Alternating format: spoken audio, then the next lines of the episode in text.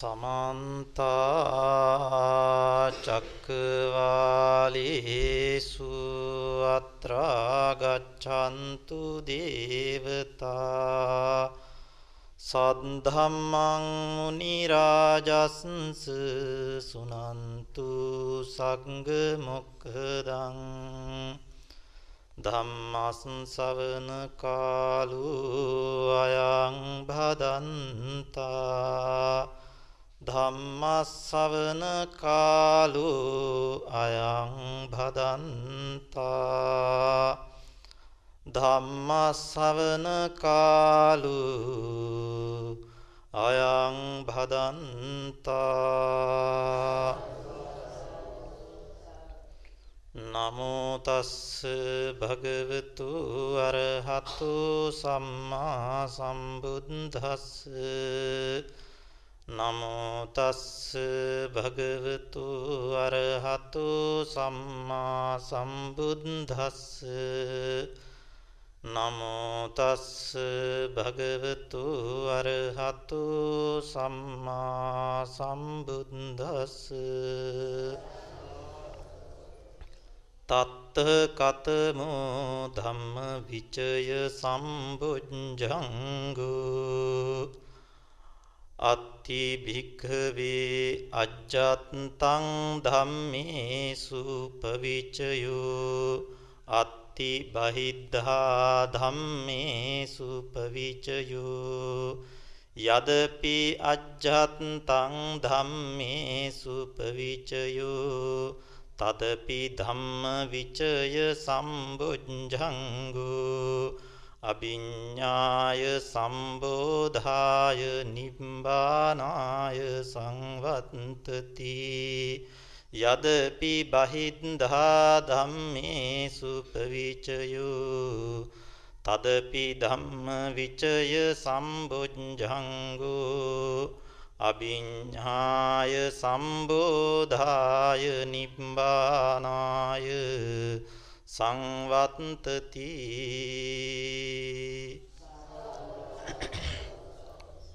ශ්‍රද්ධාවන්ත පින්නතුනි තුන් ලෝකාග්‍ර වූ භාග්‍යවත් අරිහත් සම්මා සම්බුද්ධ සර්වඥ රාජෝත්තමයාණන් වහන්සේගේ නිර්මල සම්බුද්ධ ශාසනය පිහිට ආධාර කරගෙන අද දවසෙත් මේ පින්නතුන් උපෝසත සීලයක් අදිෂ්ඨාන කරගෙන උදෑසන පටන් තම තමන්ගේ සිත කය වචනය සංවර කරගෙන මේ අවස්ථාවේදී සූදානම් වන්නේ ඒ ලෞතර තථාගත සම්මා සම්බුදුරජාණන් වහන්සේගේ ශ්‍රී මුඛ පද්මයෙන් දේශනා කරන්නට යෙදුණු උතුම් ධර්මස්කන්ධයන් අතරින් යම් ධර්ම කොටහසක් ශ්‍රවණය කරලා තම තමන්ගේ ධර්මඥානයන් වැඩි දියුණු කරගෙන නිවන් මඟ සපුරා ගැනීම සඳහා අවශ්‍ය මග වියදම් සම්පූර්ණ කර ගැනීමට ධර්මඥාන භාවනා ඥාන වඩ වඩා වර්ධනය කරගෙන සීල සමාධි ප්‍රඥා ගුණස්කන්ධයන් සම්පූර්ණ කරගෙන ආර්ය අෂ්ටාංගික මාර්ගය අනුගමනය කරමින් අග්‍ර අමා මහා නිවන් සාක්ෂාත් කර ගැනීම සඳහා අවශ්‍ය කරන ධර්මතාවයක් සම්පූර්ණ කරගන්නටයි මේ අවස්ථාවේදී මේ සහ සම්බන්ධ වන්නේ. පෙන්නතනේ අපි පසුගිය දවසක පටන් පිළිවෙලට ධර්මදේශනා මාලාවක් පවත්වාගෙන ආවා. ගැඹුරු ධර්ම කොටාසයන් ශ්‍රවණය කරන්නට මේ පින්නතුන්ට අවකාශය ඉඩකඩ ලබා දෙමින් ගැඹුරු ධර්ම කොටාසයන් නැවත නැවතත් ශ්‍රවණය කරන්න කියන ආරාධනය සිදු කරමින් අපි මේ පින්නතුන් උදෙසා බොජ්ජංග ධර්මයන් අරමුණු කරගෙන ධර්මදේශනා මාලාවක් ආරම්භ කරන්න යෙදුණා. ඒ අනුව අද දවසේ යෙදিলা තියෙන්නේ ධම්ම විචේ සම්බුද්ධංගේ පිළිබඳවයි කතා බහ කරන්නට. ඉතින් සමහර කෙනෙක් අපිට මතක් කරන්න යෙදුණා. දේශනා කරපු සමහර ධර්ම කොටාසයන් ඒ අයට ලියා ගන්න කරගන්න අමාරු වුණා. මේ නිසා ඒ දේශනාව නැවත නැවතත් කරන්නට කියලා. ඉතින් අපි ආරාධනය කරන්නේ සියලු දෙනාටම අපි මේ ධර්මදේශනා මාලාව සිදු කරලා අවසන් වෙලා නැවත වාරයක් ඒ යම් ධර්ම කොටාසයක් අහගන්න බැරි වුණා නම් ලියා ගන්න බැරි වුණා නම් ඒ සඳහා අවකාශය අපි නැවත නැවත වරක් උපකාර කරන්නම්. ඒ වාගේම තමයි යම් කෙනෙකුට අවශ්‍ය නම් මේ ධර්ම කොටාසයන් පිළිබඳව අපිට සපයන්නට පුළුවන් යම් ආකාරයක මුද්‍රිත යමක් ලියලා දෙන්න පුළුවනි මේ අයට ඒ ලියා ගන්න බැරි දෙයක් බැරි වෙච්ච දෙයක් නැවත වාරයක් කියවලා බලලා අනෙක් අය අතර බෙදලා දෙන්න උපකාරයක් කරන්න පුළුවනි යම් කෙනෙක් කවුරු හරි කෙනෙක් ඉදිරිපත් වෙලා මම ඒකට ඉදිරිපත් වෙන්නම් කියලා මතක් කරෝතින්. ඉතින් අපි අද ධම්මවිචේ සම්බුද්ධංගේ පිළිබඳව තමයි සාකච්ඡා කරන්නට මේ මේ පින්නතුන්ට මතක් කරන්නට බලාපොරොත්තු වෙන්නේ. බොජ්ජංග ධර්ම හතක් බුදුරජාණන් වහන්සේ දේශනා කරන්නට යෙදුණා. ඒ වචනාර්ථයේ බොජ්ජංග කියන වචනේ අර්ථය මොකක්ද කියන එක අපි පළවෙනිම දවසේ පැහැදිලි කරලා දුන්නා. ඒ වාගේම තමයි බොජ්ජංග ධර්ම අතරේ පළවෙනි බොජ්ජංග ධර්මය සති සම්බොජ්ජංගයේ පිළිබඳව අපි දෙවෙනි අවස්ථාවේදී දෙවෙනි දවසේ සාකච්ඡා කරන්නට යෙදුණා. දෙවෙනි බොජ්ජංග ධර්මයේ තමයි ධම්ම විචය සම්බොජ්ජංගය කියලා කියන්නේ. බොජ්ජංග වචනේ අර්ථය පැහැදිලි කරපු නිසා අපි දීර්ඝ වශයෙන් මේ පිළිබඳ කතා කරන්න බලාපොරොත්තු වෙන්නේ නැහැ. සරලව කෙටියෙන් කියනවා නම් බොජ්ජංග කියලා කියන්නේ බෝධියට අංගයක් වන නිසා නිවන් සාක්ෂාත් කර ගැනීමට චතුරාර්ය සත්‍ය ධර්ම අවබෝධයට අංගයක් වන නිසා යම් කෙනෙක් සෝවාන් ආදී සතර මග පිළිවෙලින් නිවන් සාක්ෂාත් කරගන්නකොට මෙන්න මේ මාර්ග චිත්තේ තුල සම්ප්‍රයුක්තව පහළ වෙන ධර්මතාවයක් තමයි බොජ්ජංග කියලා කියන්නේ. මේ නිසා නිවන් සාක්ෂාත් කර ගැනීම සඳහා පිළිවෙත් පුරන අය මේ ධර්මතාවයන් නිරන්තරයෙන් තමන්ගේ సంతානය තුල වඩා වර්ධනය කරගන්නට වැඩි දියුණු කරගන්නට උනන්දු වෙන්න ඕනේ. මේ නිසා අපි සති සම්බොජ්ජංගය පිළිබඳව පැහැදිලි කරන්න යෙදුනා. ඉතින් පළවෙනි දවසේ මේ කරපු සති සම්බොජ්ජංගය පිළිබඳ පැහැදිලි කිරීම අපිට ධම්මවිචේ සම්බොජ්ජංගය ගැන කතා කරනකොටත් අවශ්‍ය වෙනවා. මේ නිසා අපි ආරාධනය කරන්නේ මේ ධර්ම කොටාසයන් නැවත නැවතත් පොත්පත් කියවලා ස්වාමින් වහන්සේලා මුණ ගැහිලා කතා බහ කරලා මේවා සම්බන්ධ ගැටලු निराකරණය කරගන්න කියන ආරාධනය අපි නැවත වාරයක් මතක් කරලා සිටින්නේ.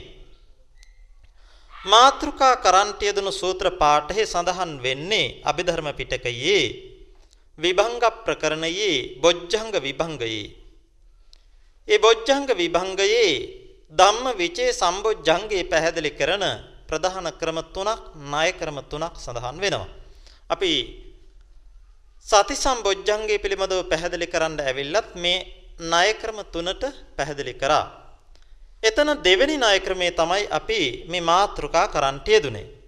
ඒ දෙවෙනි ණය ක්‍රමයට කලින් මුලින්ම කොහොමද ධම්මවිචේ සම්බොජ්ජංගේ පැහැදිලි කරන්නේ කියලා අපි බලමු.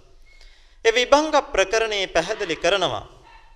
සෝ තතා සතෝ විහරන්තෝ තන් ධම්මං පඤ්ඤාය පවිචිනාති පවිචරති පරිවීමංස මාපජ්ජති අයං උච්චති ධම්ම විචයෝ සම්බොජ්ජංගෝ දැන් මෙතන මේ කියන සූත්‍ර පාඨය සති සම්බොජ්ජංගයත් එක්ක එකට සහසම්බන්ධ වෙලා තියෙනවා මේ නිසා අපි සති සම්බොජ්ජංගේ යටතේ කතා කරපු කරුණු කීපයක් කෙටියෙන් මතක් කරලා දෙනවා සති සම්බොජ්ජංගේ කියලා කීවේ පිනතුනි සිහියට නුවණත් සමග මුසු වෙලා තියෙන සිහිය නිකම්ම සිහිය නෙමෙයි අපි කිව්වා නුවණත් සමග මුසු වෙලා තියෙන සිහිය. අපි කියනවා සිහි නුවණ කියලා කියනවා. සති සම්පජඤ්ඤය කියලා කියනවා. මේ නුවණත් සමග මුහු වෙලා තියෙන සිහිය කියලා කියන්නේ මොකක්ද? අපි එදිනෙදා වැඩ කටයුතු කරනකොට හැම දෙයක්ම කරනකොට කයින් යම් කටයුත්තක් කරනවා නම් වචනයෙන් යම් කටයුත් යම් වචනයක් කියනවා නම් මෙන්න මේ කයින් කටයුත්තක් කරනකොට වචනයෙන් යම් වචනයක් කියනකොට මේ කරන කටයුත්තත් සමග අපි සිහියෙන් යුතුව ඉන්නවා. සිහියෙන් යුතුව කරනවා. මම වතක් පිළිවෙතක් කරනවා නම් සේනාසනේට ඇවිදිලා බෝමලුව අමදිනවා නම් මේ වාගේ එහෙම නැත්නම් මල් ටිකක් හදනවා නම් පූජා කරන්න මෙන්න මේ වාගේ දෙයක් කරනකොට අපි සිහියෙන් යුතුව කරනවා. කොහොමද? කර්මයේ කර්මඵල අදහන නුවණින් යුතුව සිහිය ඇති කරගන්නවා. මම මේ කරන කටයුත්ත ඒ කාන්තේන්ම නිවන් පිණිස හේතු වෙනවා. බුදුරජාණන් වහන්සේලා විසින් ප්‍රශංසා කරපු කටයුත්තයක් කියලා සිහි කරමින් තමන් ඒ වතපිලිවෙත කරනවා නම් තමන් ඒ මල් ටික හදනවා නම් මෙන්න මෙතන තියෙනවා සිහියක්. සිහියත් එක්ක එකතු වෙච්චි නුවණකුත් තියෙනවා. මෙන්න මේ සිහි නුවණට තමයි කියන්නේ සති සම්බුද්ධංගේ කියලා. ඒකයි කීවේ සති සම්බොජ්ජංගේ පැහැදිලි කරනවට කිව්වා චිර කතම්පි චිර භාසිතම්පි සරිතා හෝති අනුස්සරිතා කියලා. අපි බොහෝ කාලයකට ඉස්සරලා කරපු දේවල් අපි සිහි කරනවා. බොහෝ කාලයකට ඉස්සරලා අපි කියපු දේවල් සිහි කරනවා. මෙන්න මේ විදිහට අපි කරපු දේවල් කියපු දේවල් සිහි කරනකොට ඒත් සමග පහළ වෙන චිත්ත සන්තතිය මෙන්න මේ සිහියට තමයි කියන්නේ සති සම්බොජ්ජංගේ කියලා. එහෙමනම් අපි මේ පින්නතුන් කවුරු හරි සේනාසනේ වතක් පිළිවෙතක් කරනවා. ඒ සේනාසනේ වතක් පිළිවෙතක් කරනකොට සිහියක් ඇති කරගෙන සිහියෙන් නුවණින් යුතුව මේ වත පිළිවෙත කරනවා. පසු අවස්ථාවකදී මේ පින්නතුන්ට පුළුවනි මෙන්න මේ එදා තමන් කරපු වත පිළිවෙත නැවත නැවතත් සිහි කරන්න. ඒ සිහි කරන අවස්ථාවේදීත් මේ පින්නතුන්ගේ චිත්ත સંතානය තුල කුසල් සිත් වැඩෙනවා. අන්න එතකොටත් සති සම්බොජ්ජංගේ වැඩෙනවා. මෙන්න මේ කියන සති සම්බොජ්ජංගය දැන් ධම්මවිචේ සම්බොජ්ජංගයට ආවහම සම්බන්ධ කරලා බුදුරජාණන් වහන්සේ දේශනා කරනවා සෝ තතෝ සෝ තතහා සතෝ විහෙරන්තෝ ඒ පුද්ගලයා ඒ භික්ෂුව එහෙම නැත්නම් මේ පුද්ගලයා තතා සතෝ විහෙරන්තෝ සති සම්බොජ්ජංගේ කියපු ආකාරයට සිහියෙන් යුතුව වාසය කරනවා නිරන්තරයෙන් තමන් එදිනෙදා වැඩ කටයුතු කරන දේවල් සිහියෙන් යුතුව කරනවා කියන දේවල් සිහියෙන් යුතුව කරනවා. අපි කියන්නේ සතර සතිපට්ඨානෙන් යුතුව වාසය කරනවා කියලා කියනවා. අපි එදිනෙදා gedara dore වැඩ කටයුතු කරනකොටත් මේ සිහිය ඇති කරගන්න පුළුවන්. Gedara dore සාමාන්‍ය කාන්තාවක් නම් gedara උයන පියන වැඩ කටයුතු, වත්ත පිටියේ වැඩ කටයුතු කරනකොට, පිරිමි කෙනෙක් නම් තමන්ගේ කුඹුරේ gedara වත්තේ ආදී වැඩ කරනකොට, රැකී රක්ෂාවන් කරනකොට මේ හැම අවස්ථාවකදීම තමන්ට තමන් කරන කටයුත්ත කෙරෙහි සිහියක් ඇති කරගන්න පුළුවනි. මේ කටයුත්ත කොහොමද මට මගේ අභිවෘද්ධිය පිණිස පවතින්නේ? මේ කටයුත්ත තුළ මගේ හානිය පරිහානිය පිණිස යමක් පවතිනවද? මෙන්න මේ කියන සිහිය ඇති කරගන්නව නම් අපි එදිනෙදා කරන සෑම කටයුත්තකදීම අන්න ඒ හැම අවස්ථාවකදීම අපේ සති සම්බොජ්ජංගී කියන එක වැඩෙනවා. දැන් අපි එදිනෙදා gedara dore වැඩ කටයුතු කරනකොට Taman ඒ කරන වැඩ කටයුත්ත තුල අකුසලයක් වැඩෙන දෙයක් තියෙනවා නම් අපේ සිහියෙන් යුතුව මේ වැඩේ කරනකොට අපිට මතක් වෙනවා මේක අකුසලයක්. අකුසලය කියලා කියන්නේ මගේ පරිහානිය පිණිස පවතිනවා. අන්න ඒ සිහිය එළබෙනකොට ඒ පුද්ගලයා ඒ අකුසල කටයුත්තෙන් අයින් වෙනවා. අකුසල කටයුත්තෙන් අයින් වෙලා කුසල කටයුත්තකට යොමු වෙනවා. මේ නිසා අපි එදිනෙදා වැඩ කටයුතු කරනකොටත් මේ සිහිය කියන එක නිරන්තරයෙන් පොදව ගන්න ඕනේ. දැන් මේ ධම්මවිචේ සම්බොජ්ජංගයට ඇවිල්ලා කියන්නේ මේ විදිහට සිහියෙන් ඉන්න පුද්ගලයා තුළ මීළඟට වැඩෙන බොජ්ජංග ධර්මතාවයක් පිළිබඳව. ඒක තමයි කිව්වේ සෝ තත සතෝ විහරන්තෝ. ඒ පුද්ගලයා ඒ විදිහට සිහියෙන් ඉන්නකොට තං ධම්මං පඤ්ඤාය පවිචිනාති. අන්න ඒ සිහියෙන් ඉඳලා කරන කටයුත්ත පිළිබඳව කරපු කටයුතු පිළිබඳව පඤ්ඤාය පවිචිනාති. නුවණින් යුතුව විමසලා බලනවා නුවණින් යුතුව පරීක්ෂා කරලා බලනවා පවිචරති. මේ කරපු කටයුත්ත අනිත්‍ය දුක්ඛ අනාත්ම විදිහට ත්‍රිලක්ෂණ නුවණින් යුතුව කල්පනා කරමින් හැසිරෙනවා. පරිවීමංසං ආපජ්ජති. ඒ නුවණින් යුතුව සිහියෙන් යුතුව කරපු කටයුත්ත පිළිබඳව අනිත්‍ය දුක්ඛ අනාත්ම ත්‍රිලක්ෂණයෙන් යුතුව මෙය නැවත නැවතත් සම්මර්ෂණය කරනවා. අන්න ඒ විදිහට කරනවා නම් ඒ මොහොතක් පාසා ඒ පුද්ගලයාට විදර්ශනා නුවණක් වැඩෙනවා. අන්න ඒ විදර්ශනා නුවණට කියනවා අයං උච්චති ධම්මවිචේ සම්බුද්ධංගෝ. මෙන්න මේ විදර්ශනා ප්‍රඥාවට තමයි කියන්නේ ධම්මවිචය සම්බුද්ධංගේ කියලා. එහෙමනම් මොකද්ද මේ කාරණාව අපි තව ටිකක් පැහැදිලි කරගනිමු. දැන් යම් පුද්ගලයෙක් සිහියෙන් යුතුව යම් වැඩ කටයුත්තක් කරනවා. දැන් හිතන්න මේ පින්නතුන් සේනාසනයේ ඇවිල්ලා පන්සලකට ගිහිල්ලා බෝමලුවක් අමදිනවා. එහෙමත් නැත්නම් තමන්ගේ ගෙදර ඉඳලම බුද්ධ වන්දනා කරනවා. ඒ බුද්ධ වන්දනා කරන්න මල් ටිකක් කඩනවා. මල් ටිකක් හදනවා. මේ ඕනෙම කටයුත්තකදී මේ පින්නතුන් සිහියෙන් යුතුව මේ කටයුත්ත කරනවා. මම මේ අපි හිතමු gedara බුදුන් වඳින්න මල් ටිකක් කඩනවා. මල් ටිකක් කඩනකොට කල්පනා කරනවා බුදුරජාණන් වහන්සේලා ප්‍රශංසා කරපු දෙයක් තමයි මල් පූජා කරනවා කියන එක. බුදු පසේ බුදු මහරහතන් වහන්සේලාගේ චාරිත්‍ර සීලයකුයි මල් පූජා කරනවා කියන එක. මේ නිසා මේ මොහොතේදී මමත් ඒ බුදු පසේ බුදු මහරහතන් වහන්සේලාගේ චාරිත්‍ර සීලය ඉෂ්ට කරනවා. මේ මල් කඩලා පූජා කිරීමේ කුසලය මට මෙලෝ සැප පිණිස පවතිනවා ඒකාන්තයි. පරලෝ සැප පිණිස පවතිනවා ඒකාන්තයි.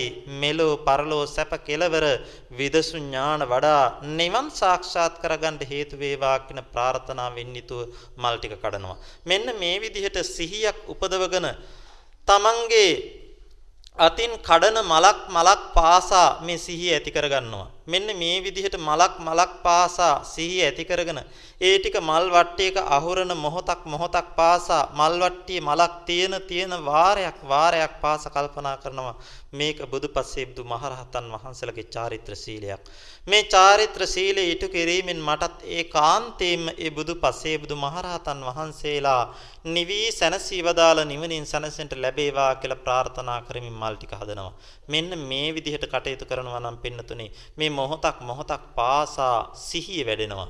සති සම්පොජ්ජංගේ වැඩෙනවා. මේ කටයුත්ත කරපු පුද්ගලයා මීළඟට මොකද කරන්නේ? මීළඟට පින්නතුනේ ධම්ම විචේ සම්පොජ්ජංගේ වැඩිම කියලා කියන්නේ ඒ විදිහට සිහියෙන් කරපු කටයුත්තේදී අපිට පහළ වෙච්ච චිත්ත චෛතසික ධර්මයන් තියෙනවා. අපිට පහළ වෙච්ච අපේ කය හසුරුවද්දි පහළ වෙච්ච රූප ධර්මයන් තියෙනවා. මෙන්න මේ දේවල් පිළිබඳව අපි නැවතත් නුවණින් සිහි කිරීමක් කරන්න ඕනේ. අර සති සම්බොජ්ජංගේ කීව චිර කතම්පි චිර භාසිතම්පි කියලා. අපි බොහෝ ඉස්සර කරපු කටයුතු අපි සිහි කරනවා. කයින් කරපු කටයුතු. වචනයෙන් කියපු වචනයන් සිහි කරනවා. මෙන්න මේ විදිහටම ධම්මවිචේ සම්බොජ්ජංගේ පැහැදිලි කරනවා යමෙක් Taman ඒ කරපු කටයුතු මල් ටික කඩපේක සිහි කරනවා නම් එහෙම නැත්තම් තමන් යම් වචනයක් කියවනම් ඒ වචනය සිහි කරනවා නම් අන්නේ මල් ටික කඩන අවස්ථාවේදී අපිට පහළ වුණා කාය විඤ්ඤාති රූප. අපි වචනයක් කියන වෙලාවේදී පහළ වුණා වචී විඤ්ඤාති රූප. ඒ මල් ටික කඩන වෙලාවේ සිහියත් එක්ක පහළ වුණා මට කුසල චේතනාවක්. මම ප්‍රාර්ථනාවක් ඇති කරගත්තා නිවන් දකින්න කියලා. ඒ නිවන් දකින්න ප්‍රාර්ථනා ඇති කරනකොට මගේ සිතේ පහළ වුණා ඥාන සංප්‍රයුක්ත කුසල් සිත්. මම යම් වචනයක් කිව්වනම් ඒ වචනේ කියන අවස්ථාවේදී මම කර්මයේ කර්මඵල අදහන නුවණින් යුතුව මේ වචනේ කීවා. මං ඒ වචනේ කියපු වෙලාවේදී මගේ පහළ වුණා සිතේ ඥාන සංප්‍රයුක්ත මහා කුසල් සිත්. මෙන්න මේ විදිහට Taman ඒ අදාළ කටයුතු කරන වෙලාවේ Taman වචනයක් කියන වෙලාවේ පහළ වෙච්ච චිත්ත චෛතසික ධර්මයන් රූප ධර්මයන් යම් කෙනෙක් සම්මර්ෂණය කරනවා යම් කෙනෙක් සම්මර්ෂණය කරලා නුවණින් විමසලා බලනවා ඒ කරපු කටයුතු. Taman ඒ වෙලාවේ කොහොමද මල් කැඩිවේ? Tamanගේ ඒ වෙලාවේ මල් කඩනකොට කොහොමද සිතක් පහළ වුනේ? කොයි වාගේ කුසල සිතක්ද පහළ වුනේ? ඒ කුසල සිත මොන සිතක්ද ඥාන සංප්‍රයුක්තයිද? ඥාන විප්‍රයුක්තයිද? ඒ කුසල් සිත පහළ වෙනකොට ඒත් එක්ක එකතු වෙච්ච චෛතසික ධර්මයන් ටික මොනවද? මෙන්න මේවා කල්පනා කරනවා මෙන්න මේවා මෙනෙහි කරනවා මනසිකාර කරනවා. ඒ වාගේම ඒ වෙලාවේ මගේ කයේ පහළ වෙච්ච රූප ධර්මයන් මොනවද? මේ අටවිස රූපයන් අතරේ කාය විඤ්ඤාත රූප පහළ වුණා. මම මල් කඩන්දි මල් කඩද්දි අත ඉහළට ඔසවද්දි අත පහත් කරද්දි මේ වාගේ කටයුතු හැම එකදීම හැම එකක්ම කරන්නේ කාය විඤ්ඤාත රූපේ කියන රූපයකින්. මෙන්න මේ විදිහට රූප පහළ වුණා. මෙන්න මෙහෙම Taman ඒ කරපු කටයුත්ත පිළිබඳව සිහි කරනවා. ඒ කටයුත්ත පිළිබඳව මානසිකාර කරනවා. ඒ වෙලාවේ ඒ කරපු කටයුත්ත මේ වෙනකොට නිරුද්ධ වෙලා ඉවරයි. ඒ කටයුත්ත නිරුද්ධ වෙච්ච භාවය සිහි කරනවා. එතනදී පහළ වෙච්ච චිත්ත චෛතසික ධර්මයන් රූප ධර්මයන් ඒ මොහොතේදීම නිරුද්ධ වුණා. ඒක ඒ අවස්ථාවේදීම නිරුද්ධ වෙලා තවත් චිත්ත චෛතසික පරම්පරාවක් හටගත්තා. මෙන්න මේ විදිහට ඒ චිත්ත චෛතසික ධර්මවල රූප ධර්මවල අනිත්‍යතාවය මෙනෙහි කරනවා. ඒ වෙලාවේ මම මල් කඩනකොට මගේ හිතේ පහළ වෙච්ච සිතවිලි ටික දැන් අනිත්‍යත්වයටපත් වෙලා ගිහිල්ලා ඉවරයි. එතන තිබුණු සිතවිලි එතනින්ම නිරුද්ධ වුණා. එතනින් මම එනකොට අලුතෙන් පහළ වුණේ අලුතෙන් සිතවිලි ටිකක්. ඒ අලුතෙන් පහළ වෙච්ච සිතවිලි ටිකත් ඒ මොහොතේදීම නැති වෙලා ගියා. මේ මොහොතේ තියෙන වෙනමම සිතවිලි ටිකක්. මෙන්න මේ විදිහට අපි සිහි කරනවා මේක අනිත්‍යතාවය.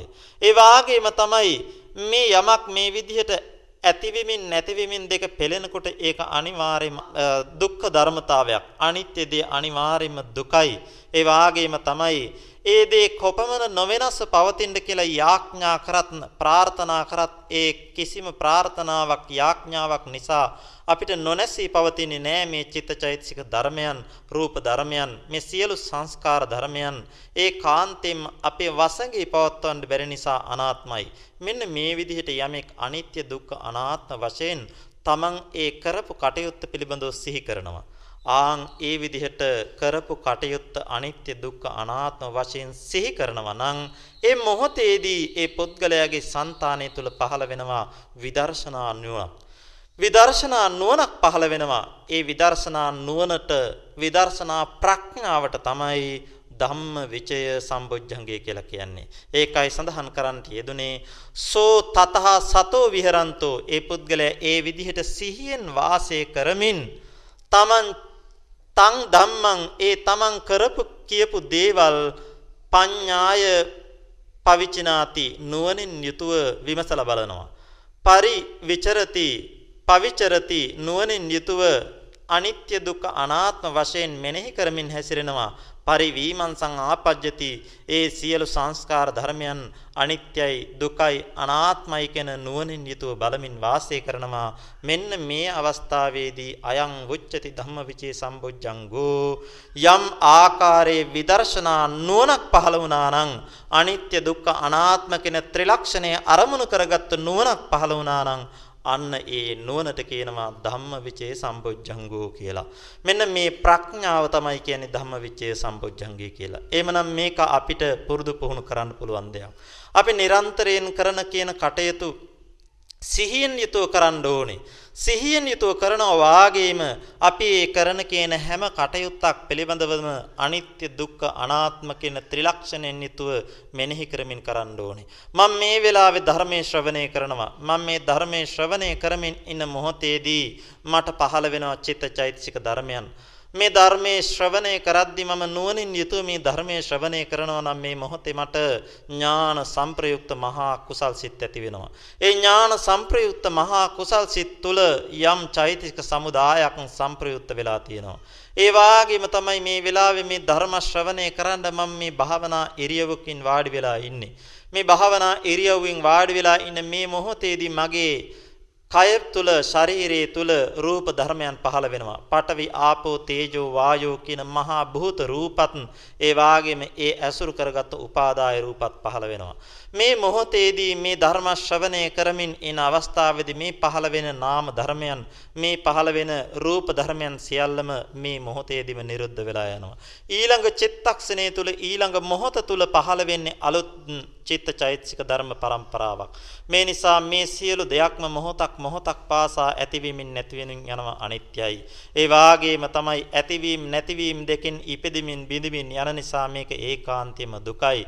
ඒ වාගේම තමයි අපි කොපමණ මේ ධර්මතාවෙන් නොනැසී පවතින්න කියලා ප්‍රාර්ථනා කරත් යාඥා කරත් ඒ කිසිම දෙයක් අපේ වසඟයට පවත්වන්න බෑ. බැරි නිසා ඒකාන්තයෙන්ම අනාත්මයි. මේ නිසා මේ අනිත්‍ය දුක්ඛ අනාත්ම කියන නාම රූප ධර්ම પરම්පරාවකුයි මම පරිහරණය කරන්නේ කියලා අපි මෙනෙහි කරන්න ඕනේ. මෙන්න මේ විදිහට මෙනෙහි කරමින් ඉන්නවා නම් පින්නතුනේ අපිට විදර්ශනා නුවණක් පහළ වෙනවා. ඒ නුවණට තමයි කියන්නේ ධම්ම විචය සම්බුද්ධංගය කියලා. මේක තමයි ධම්ම විචේ සම්බොජ්ජංගේ පිළිබඳව පළවෙනියෙන්ම බුදුරජාණන් වහන්සේ කරන පැහැදිලි කිරීම. මීළඟට අපි අර මාත්‍රිකා කරපු ධර්ම පාඨයේ සඳහන් ආකාරයට දෙවෙනි ක්‍රමයකට බුදුරජාණන් වහන්සේ ධම්ම විචේ සම්බොජ්ජංගේ අපිට පැහැදිලි කරනවා. ධම්මවිචේ සම්බොජ්ජංගය කියන්නේ මොකක්ද කියලා අහලා කියනවා. අත්ති අජ්ජත්තං ධම්මේසු පවිචයෝ මේ ආධ්‍යාත්මික ධර්මයන් පිළිබඳව නුවණින් විමසා බැලීමක් තියෙනවා. මොනවද ආධ්‍යාත්මික ධර්ම? අපි සති සම්බොජ්ජංගේ පැහැදිලි කරද්දි කිව්වා. ආධ්‍යාත්මික ධර්ම කියලා කියන්නේ අපේ సంతානය තුළ අපිත් සමග පවතින ධර්මතාවයන් ටික. තමන්ගේ ශරීරයේ තියෙන මේ කෙස් ටික ලොම් ටික, නිය ටික, දත් ටික, සම, මස්, නහර, ඇට, ඇට මෙදුළු, වකුගඩු, හදවත මේ ආදී සෑම සියලු කුණක කොටස් 32ම ආධ්‍යාත්මික ධර්මයන්. ඒ වාගේම තමයි මේ ශාරීරිය තුල තිබෙන වායෝ කොටස් වායෝ කොටස් හයක් තියෙනවා. හතරක් තියෙනවා. තේජෝ කොටස් හයක් තියෙනවා. මෙන්න මේ වායෝ කොටස් සහ තේජෝ කොටස් කියලා කියන්නේත් මේ ආධ්‍යාත්මයේ තුල තියෙන ආධ්‍යාත්මික ධර්ම. මේ නිසා මෙන්න මේ සියලු ධර්මයන් පඤ්ඤාය පවචිනාති නුවණින් යුතුව විමසලා බලනවා. කොහොමද මේ කෙස් ටික ක්ෂණයක් ක්ෂණයක් පාසා ඇතිවෙමින් නැතිවෙමින් යන ධර්මතාවයක් කියලා මෙනෙහි කරනවා. කෙස් සකස් වෙලා තියෙන්නේ පඨවි ආපෝ තේජෝ වායෝ කියන භූත රූප වලින්. ඒ වාගේම තමයි ඒ පඨවි ආපෝ තේජෝ වායෝ කියන භූත රූපවලට උපාදාය වෙලා තියෙන උපාදාය රූප සමුදායකින් තමයි කෙස් කියන මේ දේ සකස් වෙලා තියෙන්නේ. මේ නිසා මේ පඨවි ආපෝ තේජෝ වායෝ කියන රූප ධර්මයන් ක්ෂණයක් ක්ෂණයක් පාසා සිඳි සිදී විදි විදි යනවා. ඒ සමග තියෙන උපාදාය රූපයන් ටික ක්ෂණයක් ක්ෂණයක් පාසා සිඳි සිදී විදි විදි යනවා. මෙන්න මේ විදිහට ආධ්‍යාත්මික ධර්මයන් මෙනෙහි කරන්න පුළුවන්. ඒ වාගේම තමයි ලොම් ගත්තොත් ලොම් වලත් මේ විදිහටම තියෙන පඨවි ආපෝ තේජෝ සහ තවත් උපාදාය රූප සමුදායක්. තව ටිකක් මේක ගැඹුරින් මෙනෙහි කරන කෙනා මෙනෙහි කරනවා මේ කෙස් සකස් වෙලා තියෙන සුද්ධාෂ්ටක රූප සමුදායක් තියෙනවා. ඒ වාගේම තමයි තවත් මේ වාගේ රූප ධර්ම සමුදායක් තියෙනවා. ලොම් සකස් වෙලා තියෙන සුද්ධාෂ්ටක රූප සමුදායක් තියෙනවා. ඒ වාගේම ඒත් එක පවතන තවත් රූප සමුදායක් තියෙනවා. මෙන්න මේ විදිහට තව ටිකක් ගැඹුරිනුත් කෙනෙකුට මෙනෙහි කරන්න පුළුවන්. ඒ විදිහට ආධ්‍යාත්මික ධර්මතාවයන් සියල්ලම නෝනින් විමසනවා නම් ඒ තුල තියෙන ධර්මතාවයේ අනිත්‍ය භාවය අපි නුවණින් කල්පනා කරනවා නම් මේ මොහොතේ පවතින මේ කෙස් ගස් ටික ක්ෂණයක් ක්ෂණයක් පාසා ඇතිවෙමින් නැතිවෙමින් යනවා. මේක අපිට අවිද්‍යාව අන්ධකාරයෙන් වැසලා තියෙන නිසා මේක යතහ තත්ත්වයේ මෙනෙහි කෙරෙන් මෙනෙහි වෙන්නේ නැහැ පේන්නේ නැහැ නමුත් යම් කෙනෙක් මේ විදිහට මානසිකාර පවතිනවා නම් මේ කෙස් ටික අනිත්‍යයි ක්ෂණයක් ක්ෂණයක් පාසා ඇතිවෙමින් නැතිවෙමින් යනවා කියලා අන්න ඒ පුද්ගලයාගේ විදර්ශනා නුවණ වැඩෙනවා. ඒ වාගේම මේ සියලු ආධ්‍යාත්මික ධර්මයන් කෙරෙහි මේ විදිහට අනිත්‍ය දුක්ඛ අනාත්ම කියන නුවණින් යුතුව බලනවා නම් අන බුදුරජාණන් වහන්සේ කියනවා ඒක ධම්මවිචේ සම්බුද්ධංගයක් කියලා. ඒ වාගේම තමයි බහිද්ධා ධම්මේසු පවිචයෝ බහැර තියෙන ධර්මයන් කෙරෙහිත් මේ විදිහටම පුළුවනි නුවණින් විමසලා බලන්න. තමන්ගේ ආධ්‍යාත්මයට බැහැරින් තියෙන සියලුම බාහිර ධර්මයන් කෙරෙහි බාහිර හිත ඇති හිත නැති සියලු සංස්කාරයන් අපිට මෙනෙහි කරන්න පුළුවන්. බාහිර පුද්ගලයන් කෙරෙහි පවතින මේ කෙස්ලොම් ආදී ධර්මතාවයන් සියල්ලත් ක්ෂණයක් ක්ෂණයක් පාසා ඇතිවෙමින් නැතිවෙමින් යනවා. ඒ වාගේම තමයි අපි පරිහරණය කරන මේ ගෙවල් දොරවල් ඉඩකඩම් යාන වාහන ආදී සියලුම හිත නැති වස්තු සම්භාරයත් මේ වාගේම ක්ෂණයක් ක්ෂණයක් පාසා ඇතිවෙමින් නැතිවෙමින් යනවා. මේ විදිහට ආධ්‍යාත්මයේ තියෙන ධර්මතාවයන් ඒ වාගේම බාහිර තියෙන ධර්මතාවයන් මේ සියල්ලක්ම නුවණින් අනිත්‍ය වශයෙන් දුක්ඛ වශයෙන් අනාත්ම වශයෙන් මෙනෙහි කරමින් ඉන්වන යම් කෙනෙක් බුදුරජාණන් වහන්සේ දේශනා කරනවා මෙන්න මේ අවස්ථාවේදී අපේ චිත්ත સંතානය තුළ පහළ වෙන විදර්ශනා නුවණක් තියෙනවා. අන්නේ විදර්ශනා නුවණත් ධම්ම විචේ සම්බුද්ධංගෝ ධම්ම විචේ සම්බුද්ධංගයක් කියලා බුදුරජාණන් වහන්සේ දේශනා කරනවා. මේ විදිහට ආකාර ණය ක්‍රම දෙකකින් බුදුරජාණන් වහන්සේ අපිට ධම්මවිචේ සම්බොජ්ජංගය පැහැදිලි කරලා දෙනවා. මීළඟට තුන්වෙනි ආකාරයේ කොහොමද ධම්මවිචේ සම්බොජ්ජංගේ වඩන්න ඕනේ? භාවනා වශයෙන් වැඩිම පැහැදිලි කරනවා. ධම්මවිචේ සම්බොජ්ජංගේ භාවනා විදිහට වඩනවා නම් බුදුරජාණන් වහන්සේ අර සති සම්බොජ්ජංගේ දේශනා කරපු විදිහටම විවේක නිස්සිතං විරාග නිස්සිතං වස්සග්ග පරිණාමින් ධම්මවිචේ සම්බොජ්ජංගං භාවේති. විවේකයේ අසුරු කරගත්තා වූ විරාගයේ අසුරු කරගත්තා වූ වස්සග්ග පරිණාමින් නිවනට නැඹුරු වුණා වූ ධම්මවිචේ සම්බොජ්ජංගයක් වඩන්ඩ කියලා බුදුරජාණන් වහන්සේ අපිට උපදෙස් දෙනවා. මේ පිළිබඳව අපි පැහැදිලි කරා විවේකයේ ආකාර පහකට පැහැදිලි කරා. තදංග, විස්කම්බන, සමුච්ඡේද, පටිපස්සද්දි, නිස්සරණ කියලා විවේක කොටස් පහකට බෙදලා අපි පැහැදිලි කරා. යම් කෙනෙක් තමන්ගේ సంతානය තුල පහළ වෙන කෙලෙස් ඒ මොහොතේ මැඩපවත්වනවා නම් කුසල් සිතකින් මෙන්න මේකට කීවා තදංග විවේකී කියලා. මේ විදිහට අපි තමන්ගේ సంతානයේ තුල පහළ වෙන කෙලෙස් ධර්මයන් මැඩපවත්වන්න යම් කෙනෙක් විදර්ශනා කරනවා නම් හිතන්න මේ පෙන්නතුන්ට තරහක් ඇති වෙනවා කවුරු හරි කෙරෙහි මොකක් හරි තමන්ට කරපු වැරැද්දක් හේතුවෙන් තමන්ගේ හිතේ තරහක් ඇති වෙනවා මේ තරහක් ඇති වෙන වෙලාවේ පින්නතුනේ අපිට පුළුවනි භාවනාවකට මේක යොදා ගන්න. අපිට පුළුවනි බොජ්ජංග ධර්මයන් වඩා ගන්න මේ අවස්ථාවේදී. අන්න කෙනෙකුට සිහියක් එළවෙනවා නම් මගේ సంతානය තුල දැන් තරහක් පහළ වුණා. තරහක් පහළ වෙනවා කියලා කියන්නේ පටික සම්ප්‍රයුක්ත ද්වේෂ මූල සිත් දෙකක් මට පහළ වෙනවා. මෙන්න මේ දේශ මූල සිත් පහළ වෙන නිසා මගේ సంతානේ කිලිටි වෙනවා. බුදුරජාණන් වහන්සේ දේශනා කරා චිත්ත සංකිලේසා භික්කවේ සත්තා සංකිලිට්ඨಂತಿ චිත්ත වෝදානා විසුජ්ජಂತಿ මහණෙනි මේ සත්වයෝ සිත කෙලෙසි වීමෙන් සිත කිලිටි වීමෙන් සත්වයෝ කිලිටි භාවයටපත් වෙනවා. සිත පිරිසිදු වීමෙන් තමයි සත්වයෝ පිරිසිදු භාවයටපත් වෙන්නේ. එතකොට මගේ සිත තුල කෙලෙස් සිතක් පහළ වුණා, ද්වේෂයක් පහළ වුණා, මගේ සිත කෙලෙසුණා, මම කිලිටි භාවයටපත් වුණා කියලා සිහියක් උපදිනවා නම් පින්නතුනි. අන්න ඒ පුද්ගලයාට සිහියක් පහළ වෙනවා නම් මේ පහළ වෙච්ච द्वේෂසිත මට අහිත කරයි මේ නිසා මේකෙන් මම මිදෙන්න ඕනේ කියන නුවණක් පහළ වෙනවා නම් අන්න සති සම්පොජ්ජංගි වැඩෙනවා.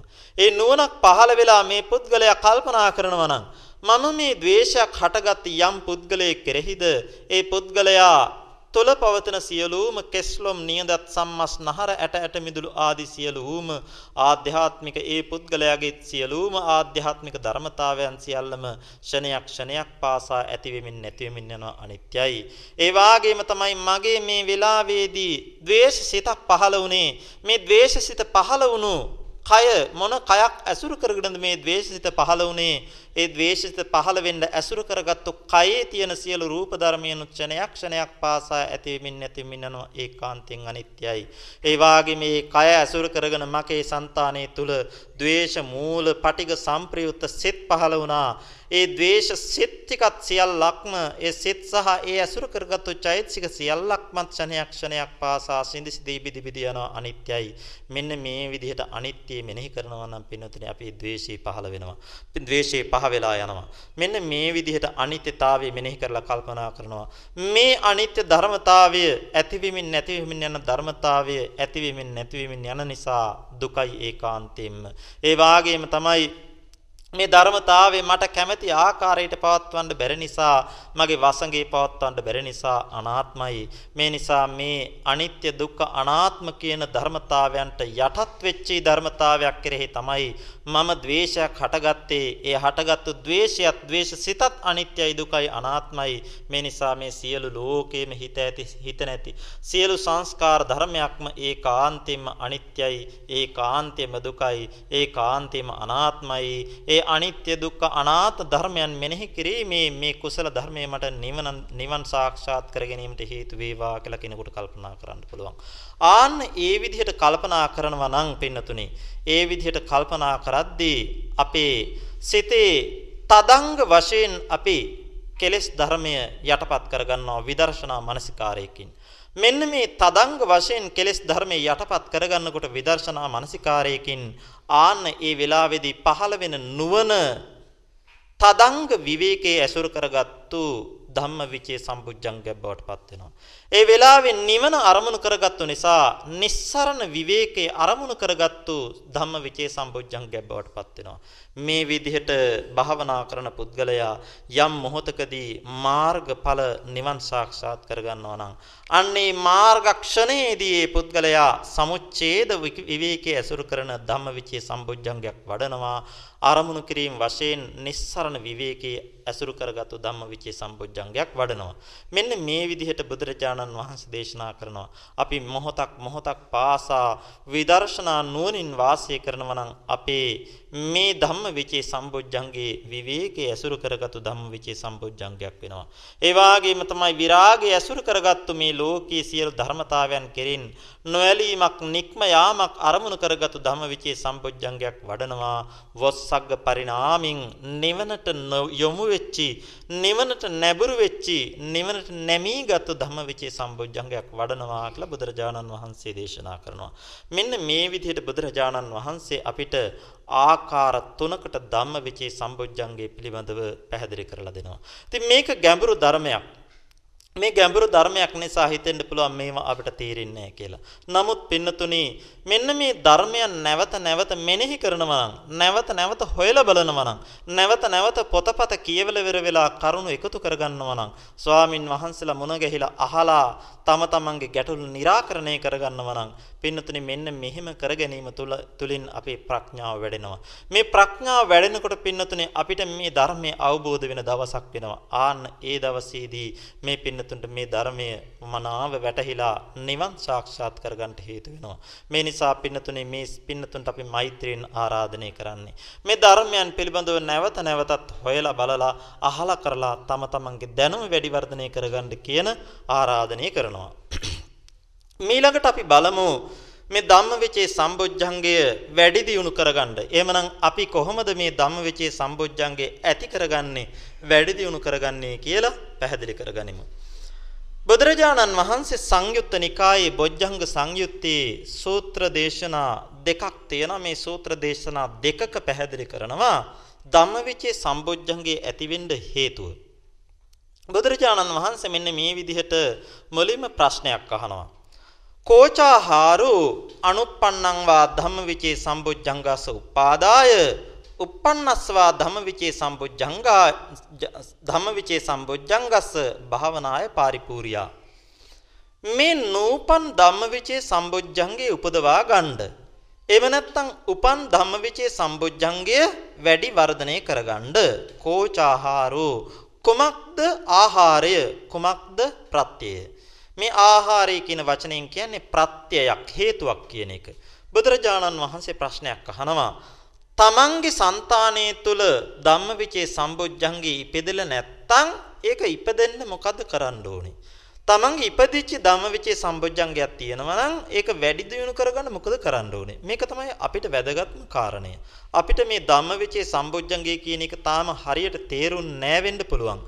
ඒ තේරුනේ නැතත් මේක අපිට වර්ධනය කරගන්න ඕනේ අනිවාර්යෙන් නිවන් දකින්න නම්. එහෙනම් කොහොමද මේක කරන්නේ? බුදුරජාණන් වහන්සේ දේශනා කරනවා.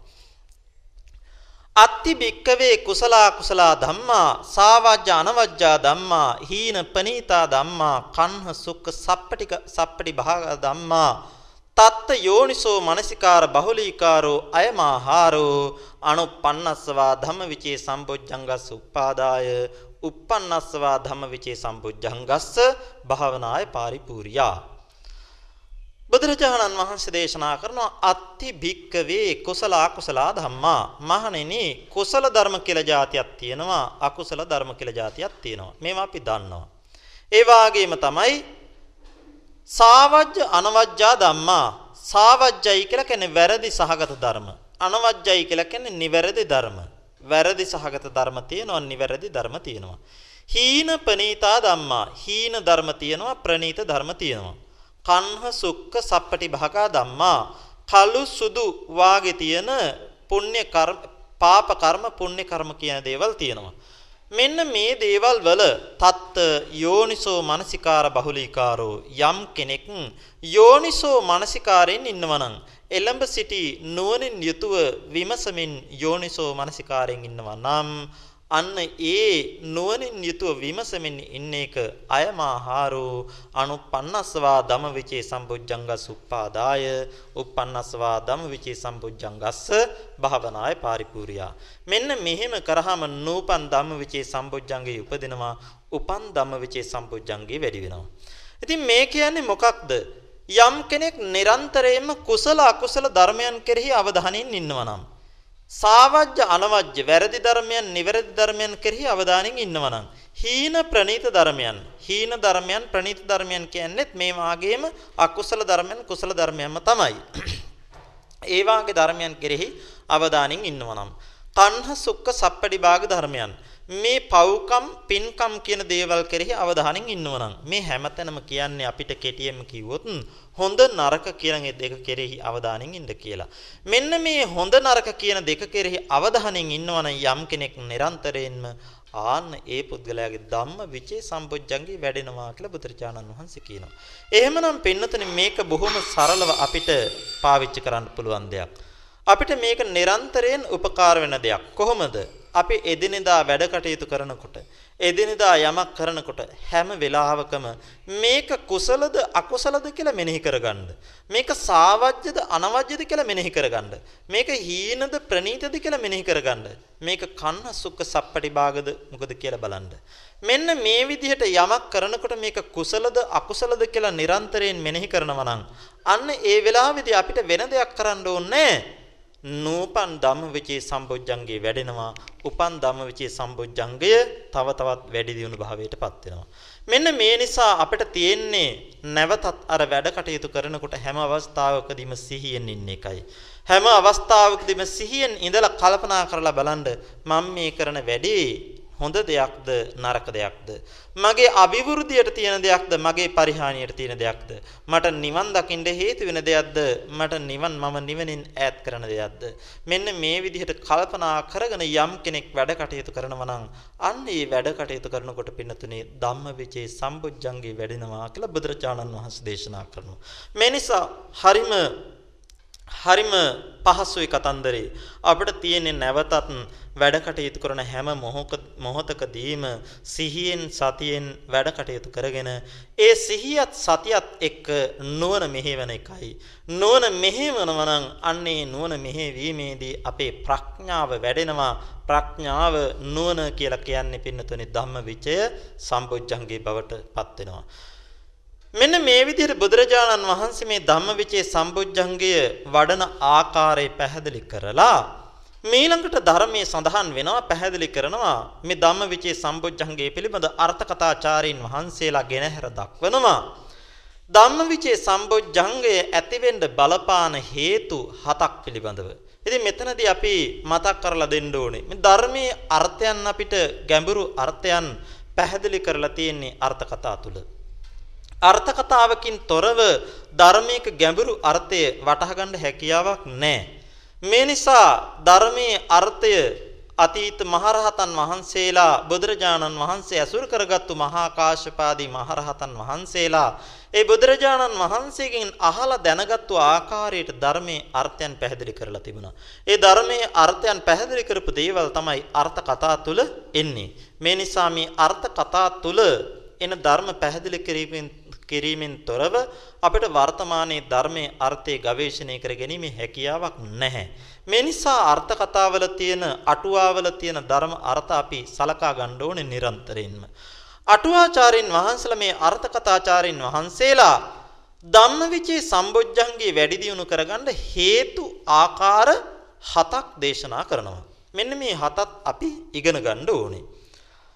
පරිපුච්චි කතා වත්තු විසද කිරියතා ඉන්දිය සම ඉන්ද්‍රිය සමත්ත පටිපාජනතා දුප්පඤ්ඤ පුද්ගල පරිවර්ජනතා පඤ්ඤාවන්ත පුද්ගල සේවනතා ගම්බීර ඥානචර්යා පච්චවෙක්කනතා තදදි මුත්තතා. මෙන්න මේ විදිහට හතක් තියෙනවා.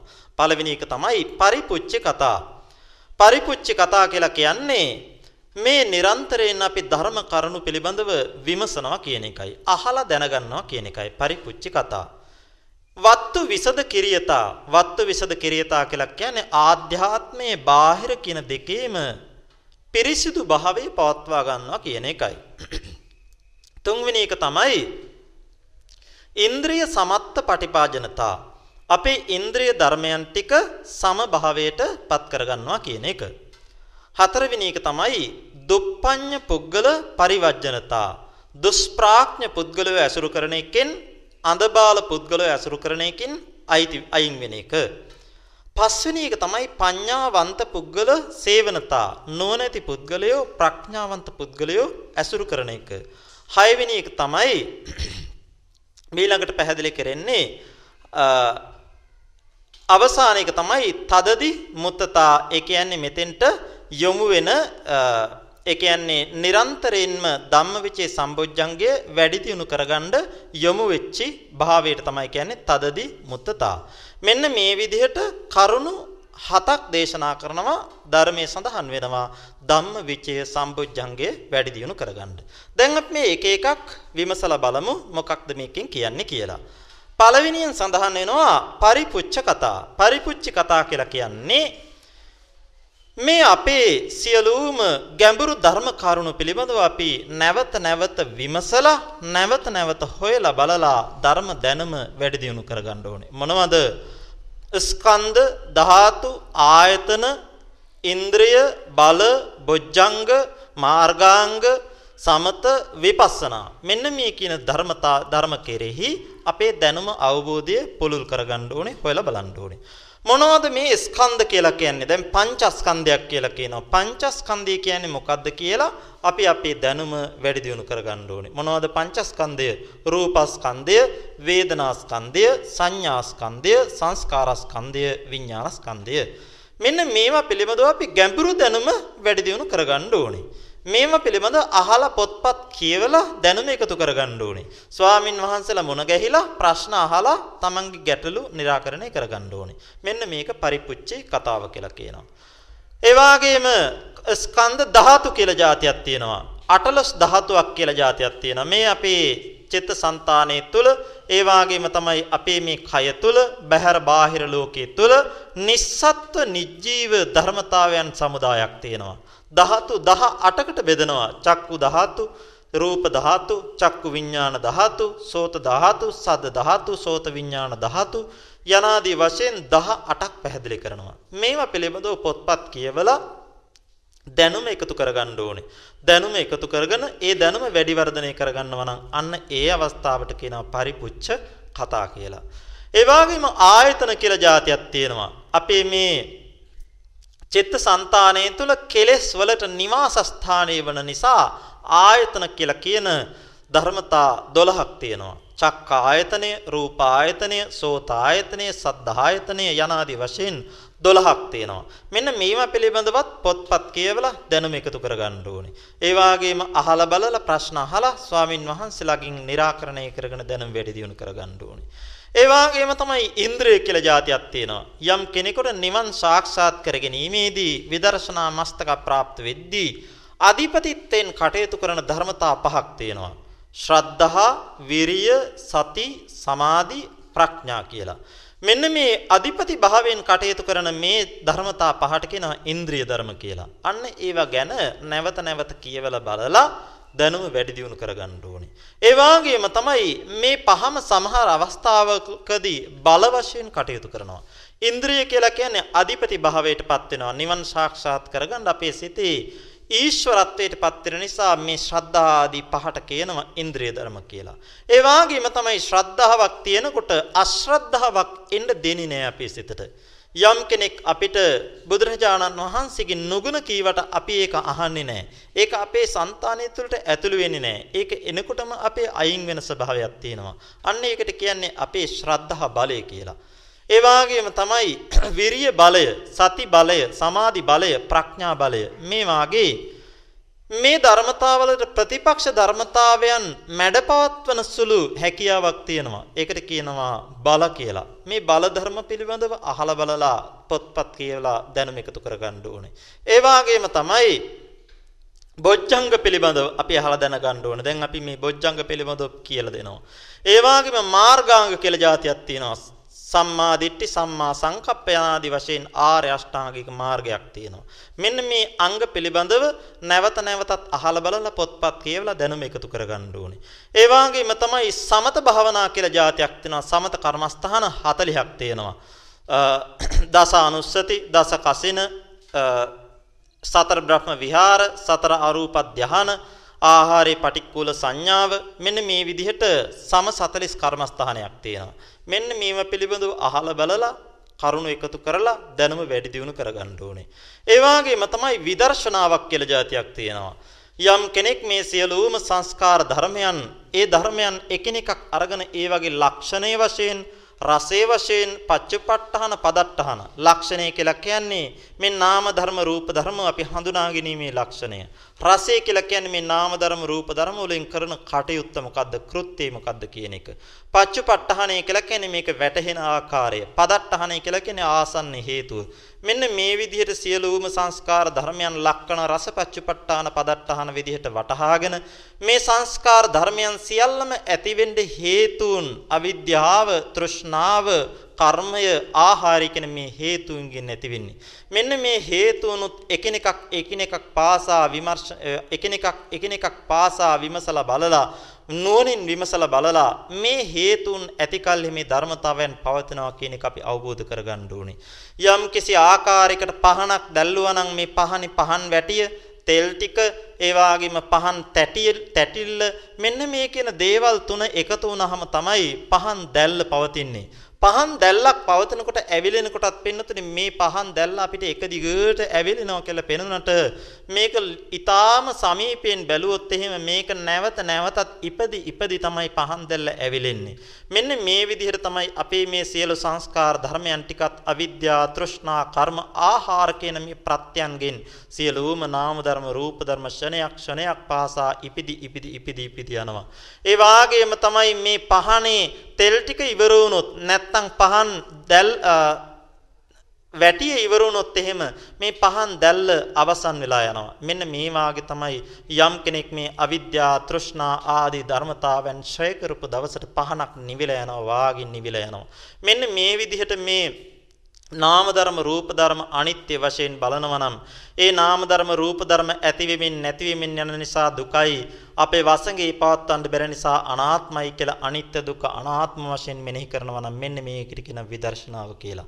මෙන්න මේ ධර්මතාවයන් ස්කන්ධ ධාතු ආයතන ඉන්ද්‍රිය බල බොජ්ජංග මාර්ගාංග සමත විපස්සනා ආදී මේ ධර්මතාවයන් පිළිබඳව නැවත නැවතත් අහලා බලලා පොත්පත් කියවලා ස්වාමින් වහන්සේලාගෙන් අහලා ප්‍රශ්න निराකරණය කරගෙන තමන්ගේ දැනුම පිරිසිදු කරගන්නවා නම් මෙන්න මේකට තමයි කියන්නේ පරිපුච්ඡ කතා කියලා. අන්න ඒක කරනකොට ධර්මයෙන් සඳහන් වෙනවා ධම්ම විචය සම්බොජ්ජංගී වැඩෙනවා කියලා.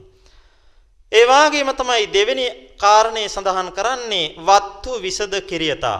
වත්තු විසද කිරියතා කියලා කියන්නේ ඇතුළත පිටත පිරිසිදු භාවය කියන එකයි. අභ්‍යන්තරේ පිරිසිදු කරගන්න ඕනේ කොහොමද? අපේ කෙස් ටික වැවිලා වැඩි නම් මේ ටික කපලා කොට කරගන්න ඕනේ. ඒ වාගේම තමයි නියපොතු වැවිලා වැඩි නම් ඒ නියපොතු කපලා පිරිසිදු කරගන්න ඕනේ. කය දහදිය වැකිලා කුණු ගෑවිලා තියෙනවා නම් මේක පිරිසිදු කරගන්න ඕනේ. මේ වාගේම තමයි ශරීරයේ ඇතුලේ වාපිත් සෙම් කිපිලා නම් මේව පිරිසිදු භාවයට පත් කරගන්න ඕනේ අවශ්‍ය බෙහෙත් ආදී අරගෙන. මෙන්න මේ විදිහට ආධ්‍යාත්මය පිරිසිදු කරගන්න ඕනේ. ඒ කියන්නේ තමන්ගේ ශරීරය තමන් පිරිසිදු කරගන්න ඕනේ. ඒ පිරිසිදු කරගත්තොත් තමයි අපේ ප්‍රඥාව කියන එක වැඩෙන්නේ විදර්ශනා නුවණ වැඩෙන්නේ. එහෙම නැති වුණොත් එහෙම අපිට අපි හිතමු යම් කෙනෙක් වැඩ කරලා ඇවිල්ලා දහදිය දාලා තියෙනවා. දැන් මේ දහදිය දුගඳ Tamanටම දැනෙනවා. මේ වෙලාවේ භාවනා කරන්න ඉඳගන්ටට අපිට ඒ භාවනාව සමෘද්ධමත් වෙන්නේ නැහැ. ඒ නිසා පිරිසිදු වෙලා එන්න ඕනේ. ඒ ආධ්‍යාත්මික පිරිසිදු භාවය අවශ්‍යයි. සමහර වෙලාවට සමහර කෙනෙක් ස්වාමින් වහන්සේලා කෙරෙහි පහදිනවා. ස්වාමින් වහන්සේලා ඉරිච්ච සිවුරු පෙරවගෙන ඉන්නවා නම්. එහෙම නැත්නම් ස්වාමින් වහන්සේලා කිලිටි වෙච්ච සිවුරු පෙරවගෙන ඉන්නවා දැක්කම සමහර ගිහි උදවිය මේකට තමයි පහදින්නේ. නමුත් පින්නතනි බුදුරජාණන් වහන්සේ දේශනා කරන මේ වත්තු විසද කිරියතාවය කියන එක අවශ්‍යයි. මේ නිසා පිරිසිදු භාවයෙන් ඉන්නකොට තමයි අපේ විදර්ශනා ප්‍රඥාව කියන එක වැඩෙන්නේ. මේ නිසායි ස්වාමින් වහන්සේලාට සිල්පද පවා දාලා තියෙනවා. සිවුරු කිලිටි වුණොත් සේදුවේ නැත්තම් සිල්පද කැඩෙනවා. මෙන්න මේ විදිහට. ඒ නිසා වත්තු විසද කිරේතාවේ කියලා කියන්නේ ආධ්‍යාත්මික පිරිසිදු භාවය. ඒ වාගේම බාහිර පිරිසිදු භාවය. බහැර පරිසරයත් තමන් පිරිසිදු කරගන්න ඕනේ. තමන්ගේ අඳින ඇඳුම ඒ වාගේම පෙරවන සිවුර මේ ආදී පිරිසිදු කරගන්න ඕනි කෙලිට වෙලා තියෙනවා නම්. ඒ වාගේම තමයි Taman ඉන්න කුටිය, ගෙය, කසල හැඩි වෙලා තියෙනවා නම් මේවා පිරිසිදු කරගන්න ඕනේ. මේ විදිහට Tamanගේ වටපිටාව පරිසරයේ බැහැර පරිසරයත් පිරිසිදු කරගන්නවා නම් මෙන්න මේකට කියනවා වත්තු විසද කිරියතාවය කියලා. මේ විදිහට ආධ්‍යාත්මයත් බැහැරත් කියන දෙකම පිරිසිදු භාවයට පත් කර ගැනීම තමයි වත්තු විසද කිරියතාවය කියලා කියන්නේ. එතකොට තමයි නූපන් ධම්මවිචේ සම්බොජ්ජංගේ උපදින්නේ. උපන් ධම්මවිචේ සම්බොජ්ජංගය වැඩි දියුණු භාවයට පත් වෙන්නේ. ඒක හේතුව. තුන්වෙනි එක කියවේ ඉන්ද්‍රිය සමත්ත පටිපාජනතා. අපේ ඉන්ද්‍රිය ධර්ම පහක් තියෙනවා. ශ්‍රද්ධාව, විරිය, සති, සමාධි, ප්‍රඥා කියලා. මෙන්න මේ පහ සමභාවයට පත් කරන්න ඕනේ. මේකෙන් එකක් හරි අනික් ඒවාට වඩා වැඩි වැඩියෙන් මතු වුණොත් එහෙම ඉස්මතු වුණොත් එහෙම ඒ පුද්ගලයාගේ විදර්ශනා ප්‍රඥාව වැඩෙන්නේ නැහැ. උදාහරණයක් විදිහට ශ්‍රද්ධාව ඉස්මතු වෙන අනිකුත් ධර්මතාවයන් වලට වඩා. එතකොට වීරියෙන් කළ යුතු කටයුතු කෙරෙන්නේ සතියෙන් සමාධියෙන් ප්‍රඥාවෙන් කළ යුතු කටයුතු ටික කෙරෙන්නේ නැහැ. මේ නිසා ශ්‍රද්ධාව වැඩි වෙලා තියෙනවා නම් අපි මේ ශ්‍රද්ධාව වැඩි වෙච්ච ශ්‍රද්ධාවට සමානව අනිකුත් ධර්මතාවයනොත් වැඩි කරගන්න ඕනේ. මේ පිනතුන් අහලා ඇති වක්කලී කියලා ස්වාමින් වහන්සේ කෙනෙක් හිටියා. වක්කලී කියලා බ්‍රාහමණෙක් දවසක් බුදුරජාණන් වහන්සේ දකිනවා. බුදුරජාණන් වහන්සේ දැකලා බුදුරජාණන් වහන්සේගේ රූප කයට බොහෝම ආසාවක් ඇති වෙනවා. මේ නිසා නිරන්තරයෙන් බුදුරජාණන් වහන්සේ දැක දැක ඉන්න ඕනේ කියලා මේ වක්කලී කියන බ්‍රාහ්මණතුමා ඇවිල්ලා පැවිදි වෙනවා බුද්ධ ශාසනයේ. පැවිදි වෙලා කරන්නේ පින්නපාතේ ගිහිල්ලා දානි ටික වළඳන වෙලාව විතරයි. වළඳලා ඉවර වෙලා ඇවිල්ලා බුදුරජාණන් වහන්සේ පේන තැනකට වෙලා බලාගෙන ඉන්නවා. බණ කියනකොට ළඟට ඇවිල්ලා බලාගෙන ඉන්නවා. බුදුරජාණන් වහන්සේගේ රූපශ්‍රිය දිහා බලාගෙන ඉන්න එක විතරයි මේ වක්කලී ස්වාමීන් වහන්සේ කරන්නේ වෙන කිසි දෙයක් කරන්නේ ඉතින් මෙතනදී තියෙනවා ශ්‍රද්ධාවක්. ශ්‍රද්ධාව බොහොම ඉහළට ගිහිල්ලා තියෙන හැබැයි අනිකුත් ධර්මතාවයන් වැඩිලා නැහැ. බුදුරජාණන් වහන්සේ බලාන හිටියා. මේ වක්කලී ස්වාමින් වහන්සේගේ නෝන මුහුකුරා යනකම් බලාගෙන හිටියා. නෝන මුහුකුරා ගියාට පස්සේ දවසක් මේ වක්කලී ස්වාමින් වහන්සේට කතා කරලා කව වක්කලී නුම මේ බලන්නේ මේ කෙස්ලොම් ආදී දේවල් වලින් කුණප කොටස් වලින් ගැවසලා තියෙන කයක් දිහැ. මේ නිසා මේකයි දිහැ බලාගෙන ඉඳීමෙන් වැඩක් නැහැ. මේ නිසා ධර්මයේ දිහැ බලන්න. යමෙක් ධර්මයේ දකිනවනම් ඒ කෙනා මංව දකිනවා. යමෙක් මන් දකිනවා නම් ඒ කෙනා ධර්මයේ දකිනවා. මේ නිසා මන් දිහා බලාගෙන ඉන්න එපා ධර්මයේ දකින්න කියලා කීවා. නමුත් වක්කලි ස්වාමින් වහන්සේට මේකත් හරි ගියේ නෑ. මේ කිව්වත් මේක ඇහුනේ නෑ. මීළඟට බුදුරජාණන් වහන්සේ මොකද කරේ? වස්සාන කාලයේ සමීප වෙලා බුදුරජාණන් වහන්සේ වස්සානේ සඳහා වස් සිටින්න පිටත් වෙන්න ලෑස්ති වෙනකොට වක්කලී ස්වාමින් වහන්සේට ගරහලා කීවා වක්කලී මං ළඟින් ඉවත් වෙලා යන්න මංගව තවදුරටත් ඉන්න එපා කියලා එලවලා දැම්මා. මේ විදිහට නෙරපුවා. වක්කලී ස්වාමින් වහන්සේට දුකක් ඇති වුණා. බුදුරජාණන් වහන්සේ මම ප්‍රතික්ෂේප කරානේ. අනේ දැන් මට මේ මාස තුනම බුදුරජාණන් වහන්සේ දකින්න ලැබෙන්නේ බුදුරජාණන් වහන්සේ බලන්නේ නැතුව ඉඳලා මට වැඩක් නැහැ. ඒ නිසා මං සියදිවි හානි කරගන්නවා කියලා ගිජ්ජකූට පර්වතේ උඩට ගිහිල්ලා නැග්ගා. දැන් ගිජ්ජකූට පර්වතයෙන් බිමට පැනලා සියදිවි හානි කරගන්නයි සූදානම් වෙන්නේ. බුදුරජාණන් වහන්සේ බැලුවා වක්කලී මොකද කරන්නේ? වක්කලේ සියදී විනාහානි කරගන්න සූදානම් වෙනවා බුදුරජාණන් වහන්සේ නිරපුවා කියලා. බුදුරජාණන් වහන්සේ ගන්ධ කුටියේ ඉඳලා ආලෝකයක් නිකුත් කරලා වක්කලේ ස්වාමින් වහන්සේට තමන්ව පෙනෙන්න සැලැස්සුවා. ඒ දකිනකොටම වක්කලේ ස්වාමින් වහන්සේ බුදුරජාණන් වහන්සේව දැක්කා ඒ ආලෝකයෙන්. බුදුරජාණන් වහන්සේ කිව්වා වක්කලී එන්න මන් ළඟට එන්න කියලා කීවා. මේ කියනකොටම වක්කලී ස්වාමින් වහන්සේට ප්‍රසාදයක් පැහැදීමක් ඇති වුණා. අනේ බුදුරජාණන් වහන්සේ මම අතහැරියේ නෑනේ කියලා වක්කලී ස්වාමින් වහන්සේට පැහැදීමක් ඇති වුණා. පැහැදෙන අවස්ථාවේ තමන් මේ ගිජ්ජකූට පර්වතයේ උඩ ඉන්නේ කියලාවත් මතක නැති වුණා. පය තියලා ඉදිරියට එන්න සූදානම් වුණා. ඒ සූදානම් වෙනකොට බුදුරජාණන් වහන්සේ ගාතාවක් කිව්වා. මෙන්න මේ ගාතාව අහලා වක්කලී ස්වාමින් වහන්සේ ඒ මොහොතේදීම විදර්ශනා වඩලා සෞඛලස් නසා ෂඩ් අභිඤ්ඤා සිව් පිලිසිනිබියාපත් සහිතව මහා රහත් භාවින් උතුම් අරිහත් වේ සාක්ෂාත් කරගන්ට යදුනා. අන්න ඒ මොහොතේදී ඉහළ අහසින්ම වැඩම කරලා බුදුරජාණන් වහන්සේගේ ළඟට ඇවිල්ලා පාවන්දනා කරා. අන්න වක්කලී ස්වාමින් වහන්සේට නිවන් දකින්ද බාධාවක් වෙලා තිබුණේ Tamanගේ ශ්‍රද්ධා කියන ඉන්ද්‍රිය ධර්මයේ ගොඩාක් ඉහළට ගිහිලා තිබෙන නිසා මේ නිසා බුදුරජාණන් වහන්සේකට නිග්‍රහ කරලා ඒක යටපත් කරලා අනෙක් ධර්මයක් එක්ක සමභාවයටපත් කරා. ඒ වාගේම තමයි සෙසු ධර්මත් මේ විදිහට ඉහළට වැඩි දියුණු අනෙක් ඉන්ද්‍රිය ධර්මයන් පරයලා ගියොත් ඒ වෙලාවට ඒ ඉන්ද්‍රිය ධර්මයන්ගෙන් කෙරෙන්න ඕනි කටයුත්ත කෙරෙන්නේ තවත් එක උදාහරණයක් කියනවා නම් විරිය ඉන්ද්‍රිය වැඩි වෙච්ච ස්වාමීන් වහන්සේ කෙනෙක් හිටියා සෝන කියලා ස්වාමීන් වහන්සේ කෙනෙක්. මේ සෝන කියන ස්වාමීන් වහන්සේ බොහෝම ධනවත් පවුලක ඉපදුනේ. ධනවත් පවුලක ඉපතිලා කොච්චර ධනවත්ද කොච්චර සැප සම්පත් තියෙනවද කියනවනම් ඉපදිච්ච දවසේ ඉඳලා එක දවසක්වත් බිම අඩිය තියලා ඇවිද්දේ නැහැ. බිම අඩිය තියලා ඇවිදින්න හදනකොටම සේවකයෝ දෙන්නෙක් තුන් දෙනෙක් දුවගෙන ඇවිල්ලා කියනවා නුඹ වහන්සිට නුඹතුමාට මොනවද කෙරෙන්න ඕනේ අපි ඒ දේ කරලා දෙන්නම් කියලා. මේ නිසා මේ සෝන සිටු පුත්‍රයා බිම අඩිය තියලා ඇවිද්දේ නැහැ කියලා කියනවා. ඒ බිම අඩිය තියලා ඇවිදින්නවත් ලැබුණේ නැති නිසා කොච්චර සැප සම්පත් වැඩිද කියනවනම් මේ යටිපතුලේ ලොම් ආවා කියලා කියනවා. යටිපතුල් දෙක කවදාකවත් බිම තියපු නැති නිසා යටිපතුල් වල ලොම් හටගත්තයි කියලා කියනවා. ඉතින් රජගහ නුවර බිම්බිසාර රජතුමා එක අවස්ථාවකදී ගිහිල්ලා මේ සෝන සිටුපුත්‍රයව බැලුවලු ඇත්තද මේ යටිපතුලේ ලොම් ඇවිල්ලා තියෙනවා කියන්නේ කියලා. ඉතින් මේ සෝන සිටුපුත්‍රයා දවසක් බුදුරජාණන් වහන්සේගෙන් බණ අහලා බුදු ශාසනය පැවිදි වෙන්න තීරණය කරා.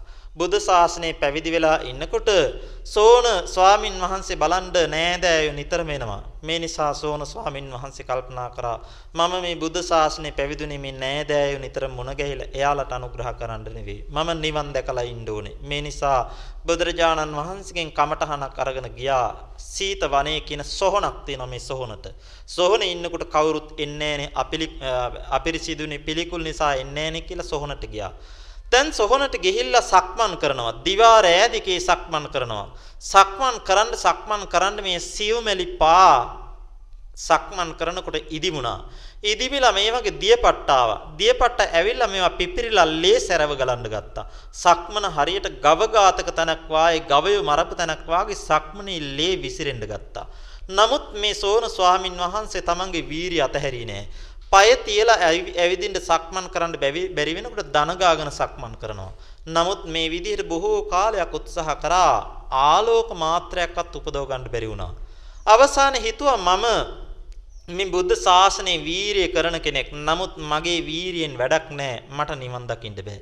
ඒ නිසා මං සිවුරු ඇරලා ගිහිල්ලා පින්දහම් කරගෙන ජීවත් වෙන්න ඕනේ. මෙන්න මෙහෙම හිතුණා. බුදුරජාණන් වහන්සේ මේක දැකලා භික්ෂුන් වහන්සේලා පිරිසක් එක්ක මේ සීත වනයේට වැඩම කරා. සීත වනයේට වැඩම කරලා මේ සෝන ස්වාමින් වහන්සේට කතා කරලා කතා කරලා කිව්වා මේ සෝන ස්වාමින් වහන්සේ ගිහි කාලේ වීණා වාදනය කරන කෙනෙක්. බොහෝම ලස්සනට වීණා වාදනය කරනවා.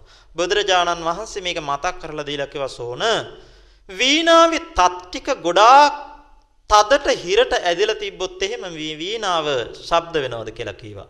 මේ වෙලාවේ සෝන ස්වාමින් වහන්සේ කවන්නේ ස්වාමීනි වීණාවේ තත් ටික ඉදිල් ඇදලා හිර වැඩි වුණොත් එහෙම හරියට ශබ්ද එන්නේ මීළඟට ඇහුවා වීණාවේ තත් ටික බුරුල් වුණොත් ශබ්ද එනවද? නෑ ස්වාමීනි වීණාවේ තත් ටික බුරුල් වුණොත් ඒත් ශබ්ද එන්නේ නෑ. අන්න ඒ වාගේ තමයි සෝන. මේ බුද්ධ ශාසනයේ පිළිවෙත් පුරද්දී මේ වීරිය කියන එක ඊටාම ඉහළට වැඩි වෙලා තිබුණත් මේ නිවන් දකින්න මේක බාධාවක් වෙනවා.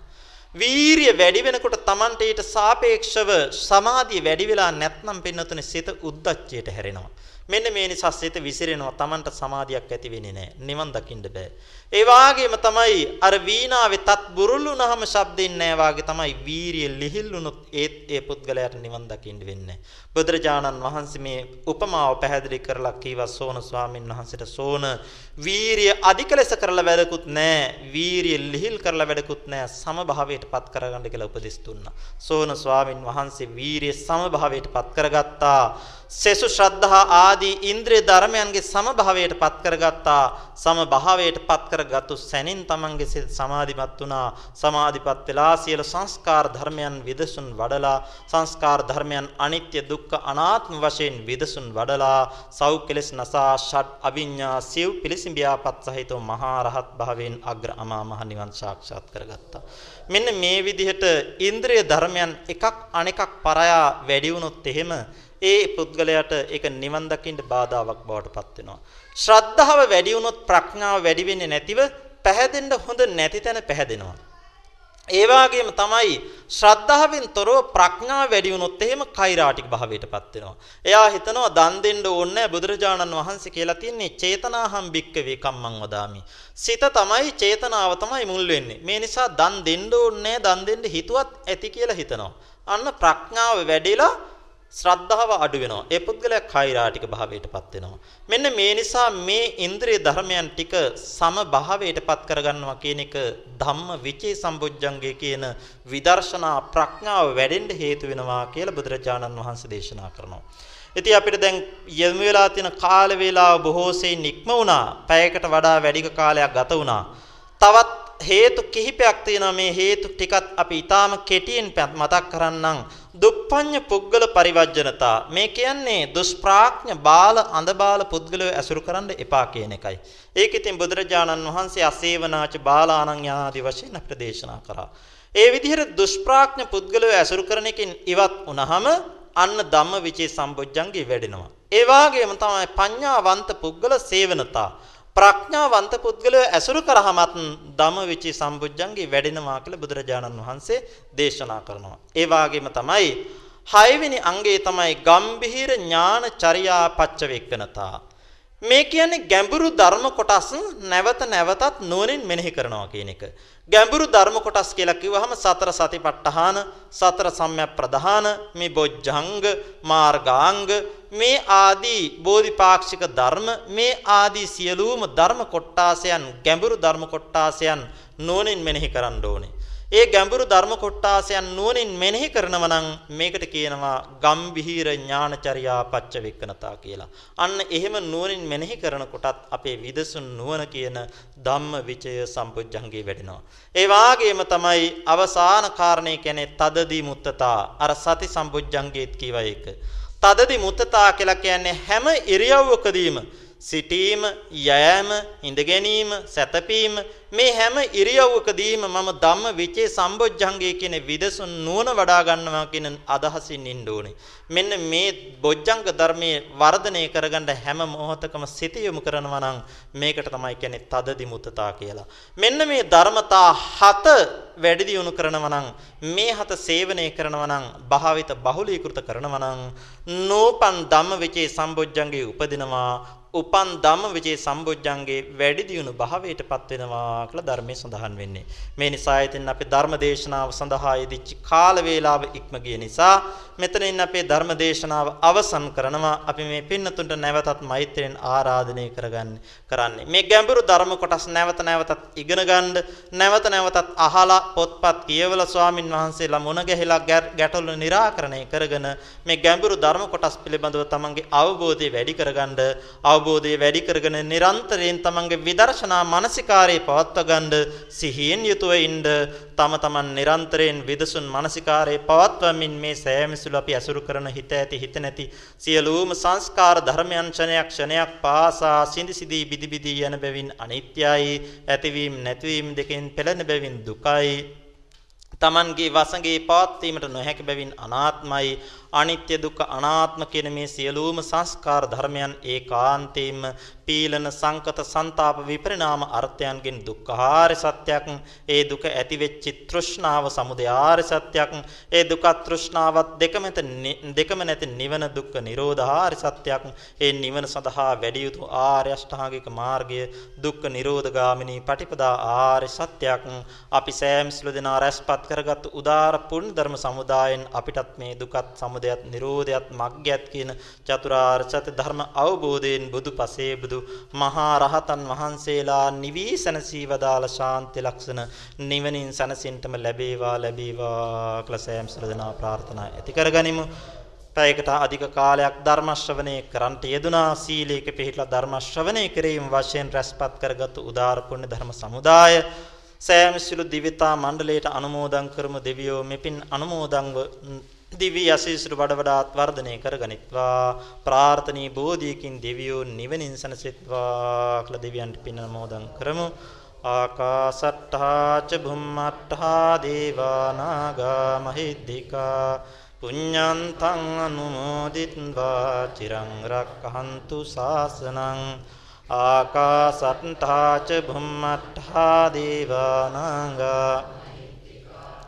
පුඤ්ඤන්තං අනුමෝදිත්වා චිරං රක්ඛන්තු දේශනං ආකාසට්ඨා ච භුම්මට්ඨා දේවානාග මහිත්‍තිකා පුඤ්ඤන්තං අනුමෝදිත්වා චිරං රක්ඛන්තු මං පරන්ති